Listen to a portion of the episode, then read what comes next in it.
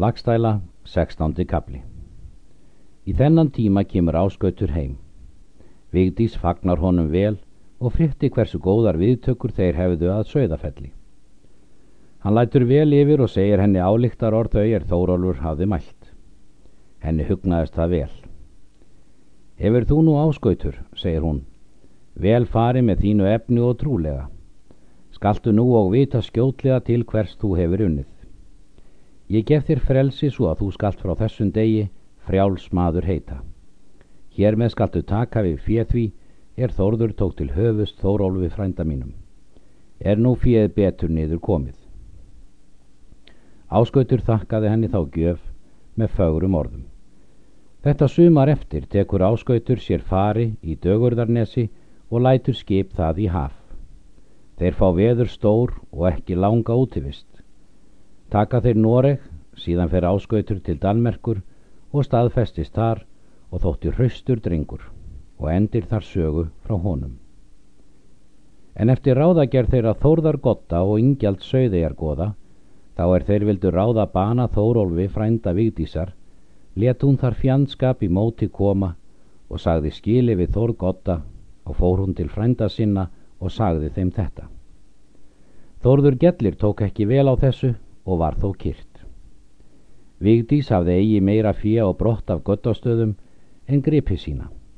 Þeir kvamverjar letu fara orðum að þeir ætluðu sér helming fjár þess er þórður gotti hafði að varveita.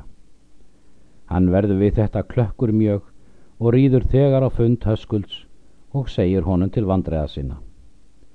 Höskuldur mælti. Skotið hefur þér þá skelki í bringu er þú hefur eigi átt að etja við svo mikið ofurefli.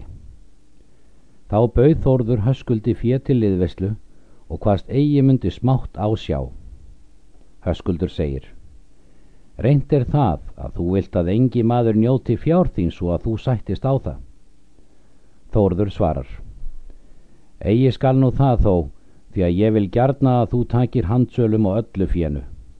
Síðan vil ég bjóða Ólafi síni þínum til fósturs og gefa honum allt fjö eftir minn dag því að ég á engan erfingja hér á landi og hygg ég að þá sé betur komið fjöð heldur en frændur vigdísar skellir hrömmum yfir. Þessu hjáttaði höskuldur og lætur binda fastmælum. Þetta líkaði melkorku þungt, þótti fóstrið og látt. Höskuldur hvað hann eigi sjákunna, er þórður gamat maður og barlaus og ætla ég Ólafi allt fjö eftir hans dag en þú mátt hitta hann ávalt er þú vilt. Síðan tók Þórður við Ólafi sjövetra gömlum og leggur við hann mikla ást. Þetta spyrja þeir menn er mál áttu við Þórð Gotta og þótti nú fjárheimtan komin fastlegar en áður. Höskuldur sendi Þórði gelli góðar gjafir og bað hann eigi styggjast við þetta. Því að þeir máttu engi fyrir heimt af Þórði fyrir lagasakir. Hvað vigdísi engar sakir hafa fundið Þórði þær er sannarværu og til brautgangs mættu metast. Var Þórður eigi að verð mentur þótt hann leitaði sér nokkus ráðs að koma þeim manni af sér er settur var á fjehans og svo var sökum horfin sem hrísla eini.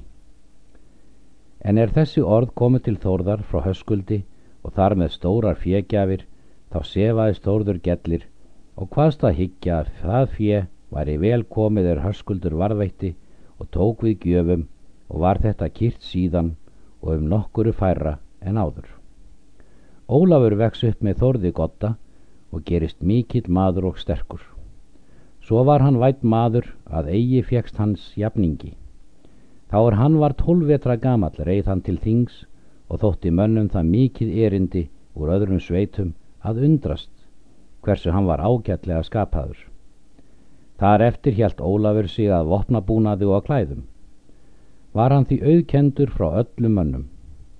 Miklu var ráð Þórðar Gotta betra síðan Ólafur kom til hans. Höskuldur gaf honum kenningarnafn og kallaði Pá. Það nafn festist við hann.